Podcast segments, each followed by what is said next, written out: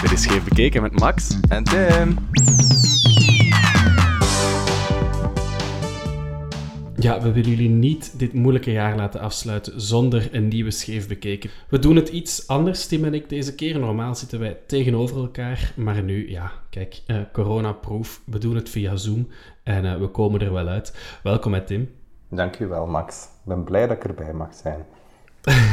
Altijd. Zonder jou geen scheef bekeken. Nee, en we bekijken echt veel dingen die, die scheef, die misschien op het eerste moment niet zo plezant lijken. Uh, zie Mia Doornaert bijvoorbeeld. Um, dus ik denk dat het ook op zijn plaats is om 2020 door de scheef bekeken loop te bekijken. Ik kijk, um, ik kijk er naar uit om dit jaar te beëindigen. Het is genoeg geweest. Ik denk dat iedereen ja. er genoeg van heeft. Maar ik kijk ook zeer uit naar deze aflevering. We stampen het jaar eruit, Tim. We beperken helaas wel nog altijd onze contacten, dus geen gasten deze aflevering. Voor alle duidelijkheid, dat is wel een uitzondering. En ook wel goed nieuws, we kregen zo vlak voor het einde van het jaar nog het gezelschap van een uh, bijzonder scheef nieuwsverhaal waar veel over te zeggen valt. En het is dan ook nog Brussels. Tim, ik denk dat jij weet waar ik het over heb, toch? Ik vermoed dat het gaat om het fameuze incident rond de regenpijp. De regenpijp, inderdaad. En alles wat er op en langs die regenpijp gebeurde. Um, op een steenwerp van het politiekantoor in het centrum van Brussel. Waar dus ja, een, eh, een homogie plaatsvond met een uh, Europarlementslid van de homofobe partij Fidesz. Um, van wie we net hebben geleerd hoe we de naam moeten uitspreken. Jozef Sager? Hoe zegt je dat eigenlijk? Jozef. Jozef. Jozef Sager. Sager. Sager. Sager. Jozef Saar. Saar. Dat geloof ik niet. Ja, wat. Ik ga het wel vinden. Jozef. Uh, gay. Seksfeest. um, ik heb gekeken op YouTube en ik kwam op een filmpje en het was Fidesz MEP Josef Sayer. Josef Sayer. Luister, ik wou, ik wou dat jullie allemaal zien wat ik zie op dit moment, maar dat is het, waarschijnlijk de campiest manier waarop dat er ooit iemand die naam heeft uitgesproken. ik wou dat Max een pruik aan had nu. Het is mijn armgebaren. Jozef Sayer. En dan... Uit de losse pols. Uit de losse pols. En dan strek ik mijn armen. Voilà. Maar het gaat dus inderdaad over dat Europarlementslid. Um, Tim, bij, bij jou riep dat wel wat dingen op, toch? Ja, dat heeft echt zeer veel dingen losgemaakt bij mij. Um, waar te beginnen? Aan, aan de ene kant is het echt zo slapstick dat je, dat je bijna gelooft dat het waar is. Dus er is een seksfeest in het centrum van een Europese hoofdstad. Um, hoe laat? Het was nog niet eens. Het was nog niet eens dus er is, er is een avondklok in Brussel, hè, tot tien uur. En dan moet iedereen eigenlijk van straat zijn. Maar het was voor tien uur. De politie valt binnen. Iedereen, de helft van die mannen dacht dat de politiemannen een deel van het decor waren. En begonnen ermee te flirten. Een van die mannen, die dan later bleek de notoire homoseksuele homofoob um, te zijn van de Hongaarse politicus je, je, je um, die langs een regenpijp naar beneden is geklommen, waarop dat er dan iemand hem gezien heeft, die is dan opgepakt, die is dan naar huis gevoerd door de flikken, dan daar gezegd van, ja, nee, wow, wacht even, ik ben een, een Europarlementslid, ik ben dus... het was, aan de ene kant was zeer uh, slapstick Gaston en Leo langs de regenpijp naar beneden en dan de flikken. Maar aan de andere kant was het ook wel gewoon zeer tragisch. En, en dat, het, het eigenlijk alles van een, van een zeer zwaar Grieks theaterstuk op een of andere manier. Nee, ik vond het wel interessant dan daarna dat dan de, ja, de artikels verschenen van hoe kan iemand zoiets doen, hoe kan je zo hypocriet zijn, hoe kan je zo'n dubbel leven leiden. En dat is op het eerste zicht natuurlijk wel echt bizar voor ons, voor mensen die in een meer vrijgevochten maatschappij leven. Maar ik denk ook wel dat ik het ergens wel snap op een psychologisch niveau. niet voor mezelf, maar wanneer, dat, wanneer dat jij opgroeit met um, een conservatief wereldbeeld, dan, over, allez, dan overheerst dat gewoon die seksuele gevoelens. Dat is van dag in dag uit bij jou wordt binnengestampt van nee, nee, dat is niet iets om te zijn, je wilt dat niet zijn, maar je voelt wel die lust naar mannen toe, dan kan ik me heel goed voorstellen dat je andere manieren zoekt om die dissonantie op te lossen. En één daarvan is dan gewoon ook het scheiden van seks met mannen met homo zijn. Dat is zo'n typisch ding dat je dan hoort, is van ja, nee, ik ben niet homo, ik, ik heb wel seks met mannen. En waarschijnlijk ga je het trouwens niet horen, want dat wordt niet gezegd, dat wordt gewoon gedaan. Je mag daar natuurlijk ook niet trots op zijn, want daar komt zoveel schaamte bij kijken. Uh, en dan kan ik me voorstellen dat je dan ja, in het straatje van uh, Jozef Schager terechtkomt boven een regenpijp. Ik heb daar twee woorden op te zeggen. Roy Cohn. dat, is, dat, is, echt Roy Cohn. Toen ik, toen ik heel dat verhaal las over die regenpijp en over dat seksfeest en over hoe dat hij daar was en welke wetten dat hij had geschreven. Echt virulente anti-homo en anti-trans wetgeving in Hongarije. Dus die mens, Joseph Jager, is een beetje like Jaja Gabor, weet je dat niet? Het is een beetje hetzelfde. uh, dus de Jaja Gabor van Fidesz ja. um, is, is essentieel geweest hè, voor, voor die wetgeving. Zonder hem ging die wetgeving niet op dezelfde manier geschreven worden, bleek uit uit berichtgeving uit Hongarije trouwens. Um, en dat hij mij zo hard denkt naar Roy Cohn. Roy Cohn was, met excuses, maar het vuil van de aarde. Dat was een advocaat um, die mee de McCarthy-processen in de jaren 50 heeft gevoerd tegen de communisten. En vermeende communisten in, in de VS. Uh, hij was ook de advocaat, of een advocaat van Donald Trump. En hij is ook een van de belangrijkste personages uit het, het onvoorstelbaar goede toneelstuk uh, en HBO-miniserie uh, Angels in America. Um, man is gestorven aan de gevolgen van AIDS in de jaren 80, geloof ik. En er is een passage in Angels in America, ik zal het nu voorlezen, die trouwens, als je die HBO-reeks kijkt, Al Pacino speelt die man onvoorstelbaar goed. Het is gewoon, oh my god, briljant. Veel beter dan ik. Maar, maar ik zal even... Ik heb hier eventjes mijn uh, versie van Angels in America, een stuk van Tony Kushner, uitgediept. En als ik, als ik het fragment voorlees, zal je exact begrijpen waarover ik het heb. Homosexuals are not men who sleep with other men. Homosexuals are men who, in 15 years of trying, cannot get a pissant anti discrimination bill through city council. Homosexuals are men who know nobody and who nobody knows, who have zero clout. It's a reality. I have sex with men. But unlike nearly every other man of whom this is true, I bring the guy I'm screwing to the White House and President Reagan smiles at us and shakes his hand because what I am is defined entirely by who I am. Roy Cohn is not a homosexual. Roy Cohn is a heterosexual man, Henry, who fucks around with guys.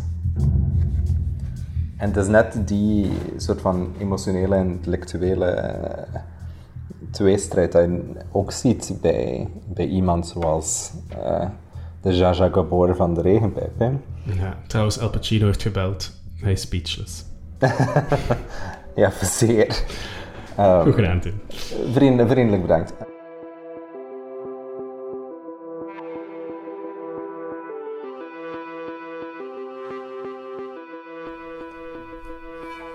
Het, heel, heel, dat, heel dat spel riep, zeer veel vragen bij mij op. Um, niet zozeer of dat immoreel of moreel was om nu een seksfeest te hebben in het midden van een pandemie. Nee, het is immoreel. Je doet dat gewoon niet. Was verkeerd. Daarover gaat het niet. Maar wel over de ethiek en de morele complicaties of, of consequenties van anonieme seks. Want ik ken iemand die blijkbaar al tien jaar lang af en aan een soort van anonieme of semi-anonieme seksuele relatie met die man heeft. En, en die vertelde mij dat. En ik vroeg van, ja, maar wat was de basis van die relatie dan in het begin? Ah ja, puur fysiek. Het, was, het was op de apps, veronderstel ik, um, binnen en buiten gedaan. Dus die mensen kennen wist niks van Uh, Gabor van de Regenpijp. Ehm, dus het is puur fysieke aantrekkingskracht. Hè. Dus ik vroeg dan aan hem later... Ken oh ja, die, ken zo- die zijn echte naam? ik denk het niet zelfs. Ik denk het niet. Het was echt een zeer fysieke, het was een zeer fysieke eh, aangelegenheid. Ehm, eh, ja, zeer veel details ken ik ook niet, maar dat is, dat is hetgene dat ik, dat ik er nu van weet. En ik vroeg van, ja, maar zou je er nu nog seks mee hebben? En hij zei van, ja, nee, nee, dat zou ik totaal niet doen. Ook al, maar dat is dus vreemd, hè. Enfin, dat, dat stelt dus... Ik, ik, dus gisteren kun je met iemand slapen zonder dat je weet wie dat is of wat hij ooit heeft gedaan en zonder er ooit voor geïnteresseerd te zijn. Dan gebeurt er iets. En plotseling is die fysieke aantrekkingskracht alleenlijk niet genoeg. En dan begon ik zo te denken van, oh shit, wie weet heb ik ook wel met iemand zoals Jaja Gabor eh, seks gehad. Ehm, wie weet, um, ik weet niet hoe dat, dat bij u zat, maar dat is dus wel zeer goed mogelijk dat in een, in een, in een seksuele context, waarin dat anonieme seks, ik kan niet zeggen een norm is, maar wel een deel van het geheel is, zeg maar, weten we wel met wie dat we aan, het slapen zijn. En ik vond het zo moeilijk om mee om te gaan. Like, wat- hoe moet je daar dan mee omgaan? En, en, en is het dan, is het dan het gevolg, wat is dan het gevolg van die, heel, die, van heel die toestand? Ehm, Want dat is ook inderdaad wat naar buiten kwam eh, later van de details, is... ehm, ja, er komen wel regelmatig mensen van eh, Recht en Rechtvaardigheid uit Polen, de homofobe partij daar. En nog wel vaker mensen van Fidesz, zegt die organisator, die trouwens bijzonder open was over zijn feest. Ehm, En zei van, ja, maar nee, ik, ik, ben, ik ben apolitiek. En dan denk ik inderdaad... Nee, is dat niet te gemakkelijk ehm, om je er zo over te zetten? Want het is wel een Trojaans paard. Hè. Het is wel ja, onze gemeenschap, iemand die wel en niet deel uitmaakt van die gemeenschap, die gebruik maakt van de mogelijkheden, die, mogelijkheden die er zijn hier in Brussel om actief deel uit te maken van een homogemeenschap, maar dan in eigen land het leven onmogelijk maakt van mensen die van exact diezelfde gemeenschap deel uitmaken. Ja, dan vind ik wel eh, dat, we daar, dat we daar iets bewuster mee mogen omgaan en niet gewoon zeggen, oh nee, apolitiek, hier kan dat hoor, kom maar. Ja, maar dat is dus nog een... Dat is, interessant dat je dat aanhaalt, want dat is nog een extra probleem daarover. Het gaat niet alleen over de politics of anonymous sex, het gaat ook over gemeenschap. En wie is er dan deel van onze gemeenschap? En het, en het toont ook op, een zeer...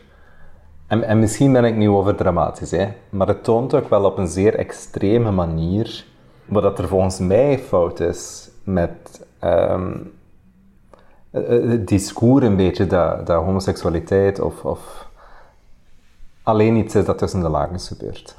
En dat is een discours dat heel populair is, ook in Vlaanderen. Hè. Je ziet dat bij, bij quasi ieder eh, gay BV-interview. Je ziet dat bij iedere Pride, behalve dit jaar.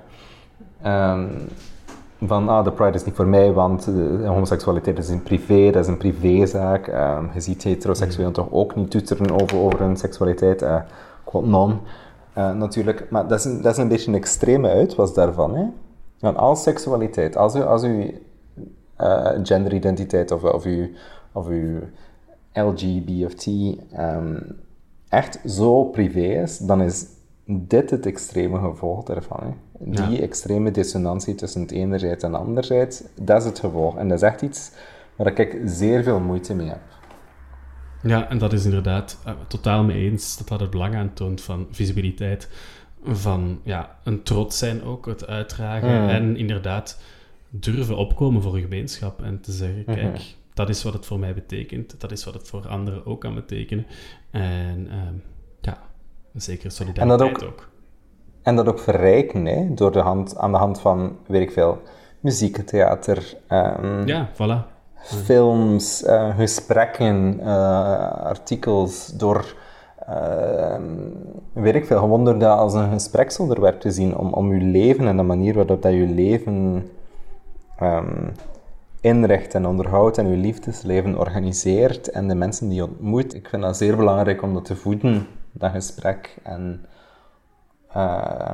om, om een, een klein beetje ademruimte en een klein beetje diepgang en een klein beetje nuance te geven. Ja, inderdaad. Jaja Gabor als cautionary tale. En extra motivatie voor nog meer scheef bekeken. Dus toch een beetje bedankt, Saja Gabor, voor je avontuur.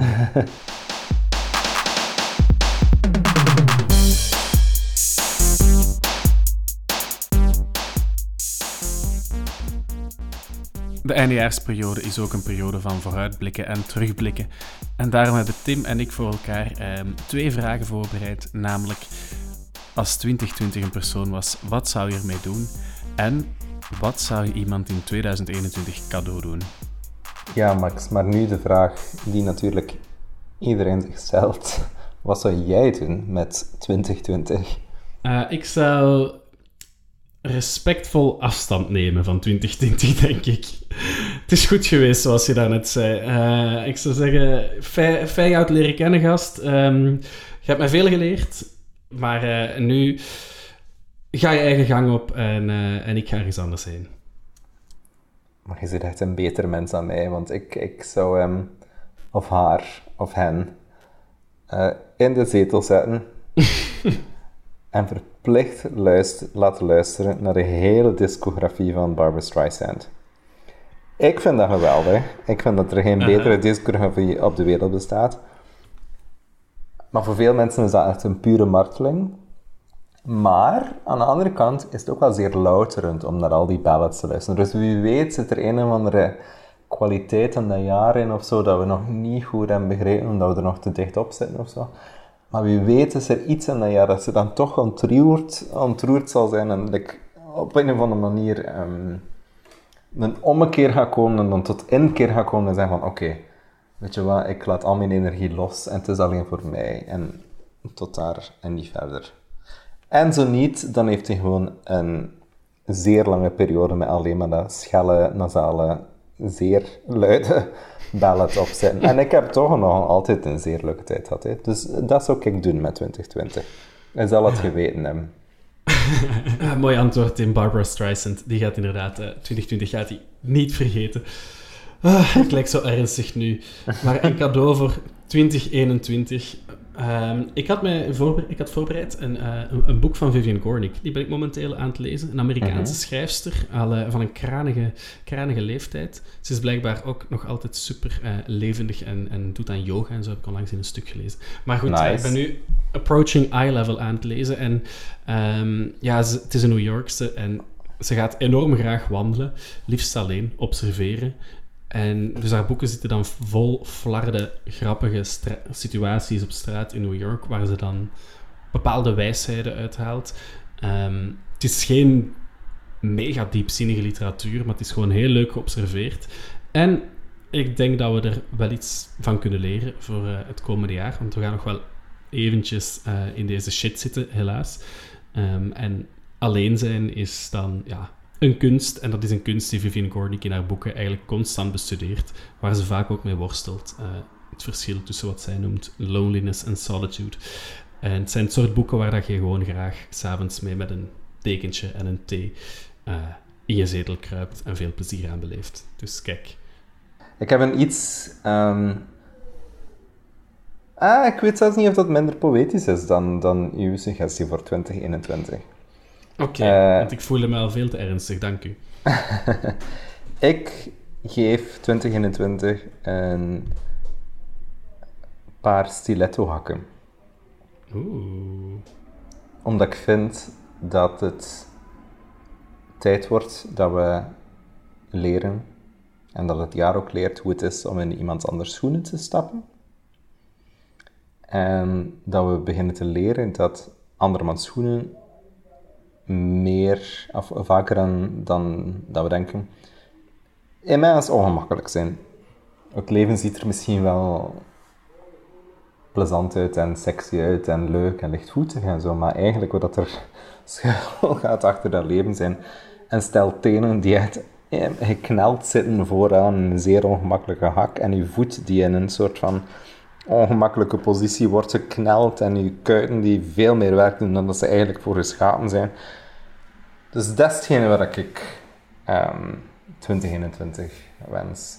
En stel onvoorstelbaar prachtige lakleren kleur mag je zelf kiezen. Ik ken ook iets voor beige of zo.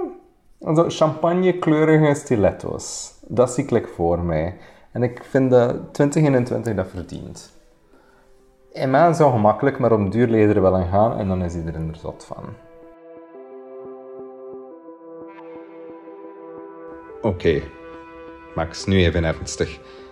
Of toch nog een uitsmijter. Wat is uw favoriete aankoop van het jaar geweest?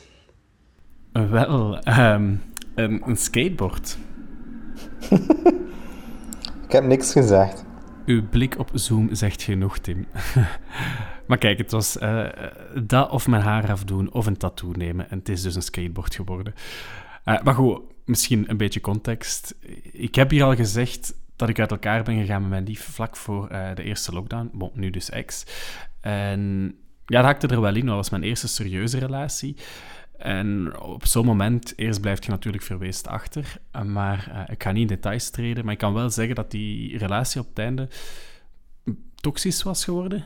In de zin dat ik mezelf uit het oog was verloren. En dus toen het dan gedaan was, ja, moest ik mezelf terug een beetje bijeenpuzzelen.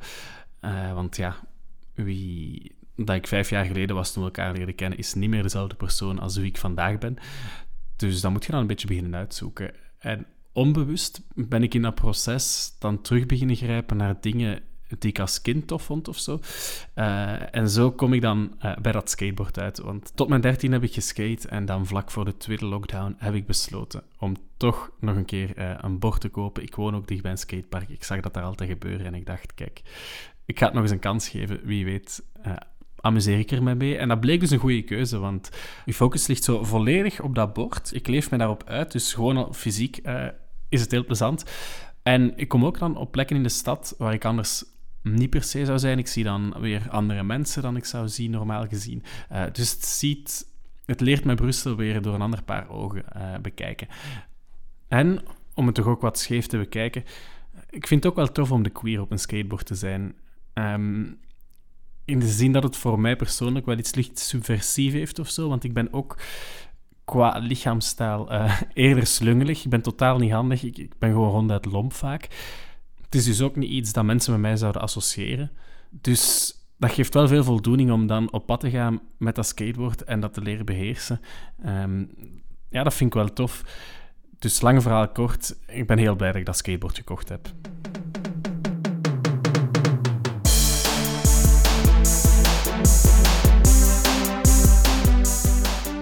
En zoals elke aflevering van Scheef Bekijken, kijken we ook deze keer iets scheef, maar in tegenstelling tot de vorige afleveringen van Mia Doornaert en andere aangelegenheden, kijken we deze keer iets scheef dat zich online bevindt. Ja, memes.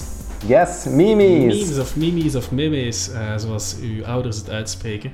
Um, mijn aller, aller favoriete van 2020. Echt eentje die mijn jaar heeft gekleurd, waar ik nog altijd heel, heel erg om moet lachen, waar ik blij van word als ook maar iemand het merk Chanel noemt, is Chanel, The African Grey. Chanel! Chanel!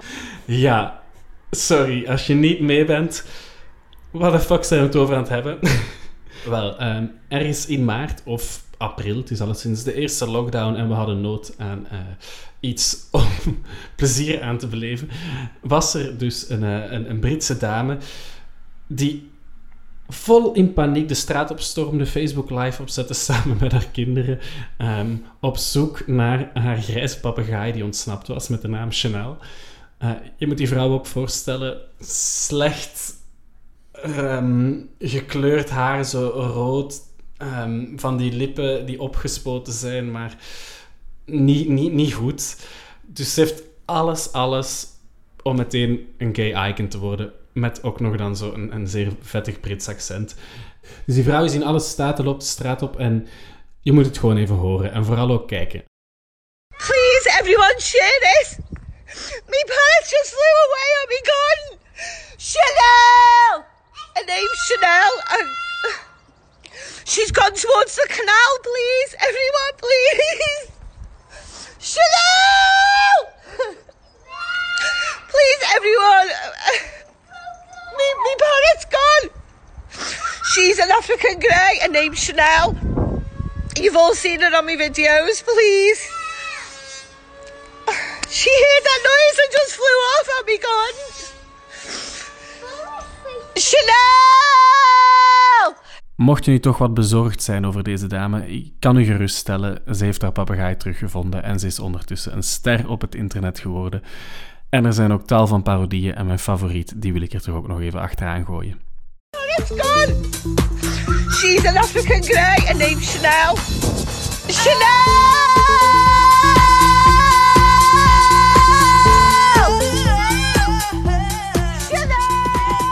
Van Chanel tot Gossip Girl, tot Sue Sylvester van Glee, de queers wisten de internetmeme tot de perfectie te kneden dit jaar. Dus dat belooft al voor 2021. En dan zijn wij natuurlijk weer terug met tal van interessante gasten. Alvast een heel gelukkig nieuwjaar. En ook van mij natuurlijk een gelukkig, veilig, gezond en zalig 2021. Tot snel. Please, everyone, share this. Chanel! Her name's Chanel. she's gone towards the canal, please. Oh, I'm losing my connection. I'm so sorry, guys. Please. Oh, Miss!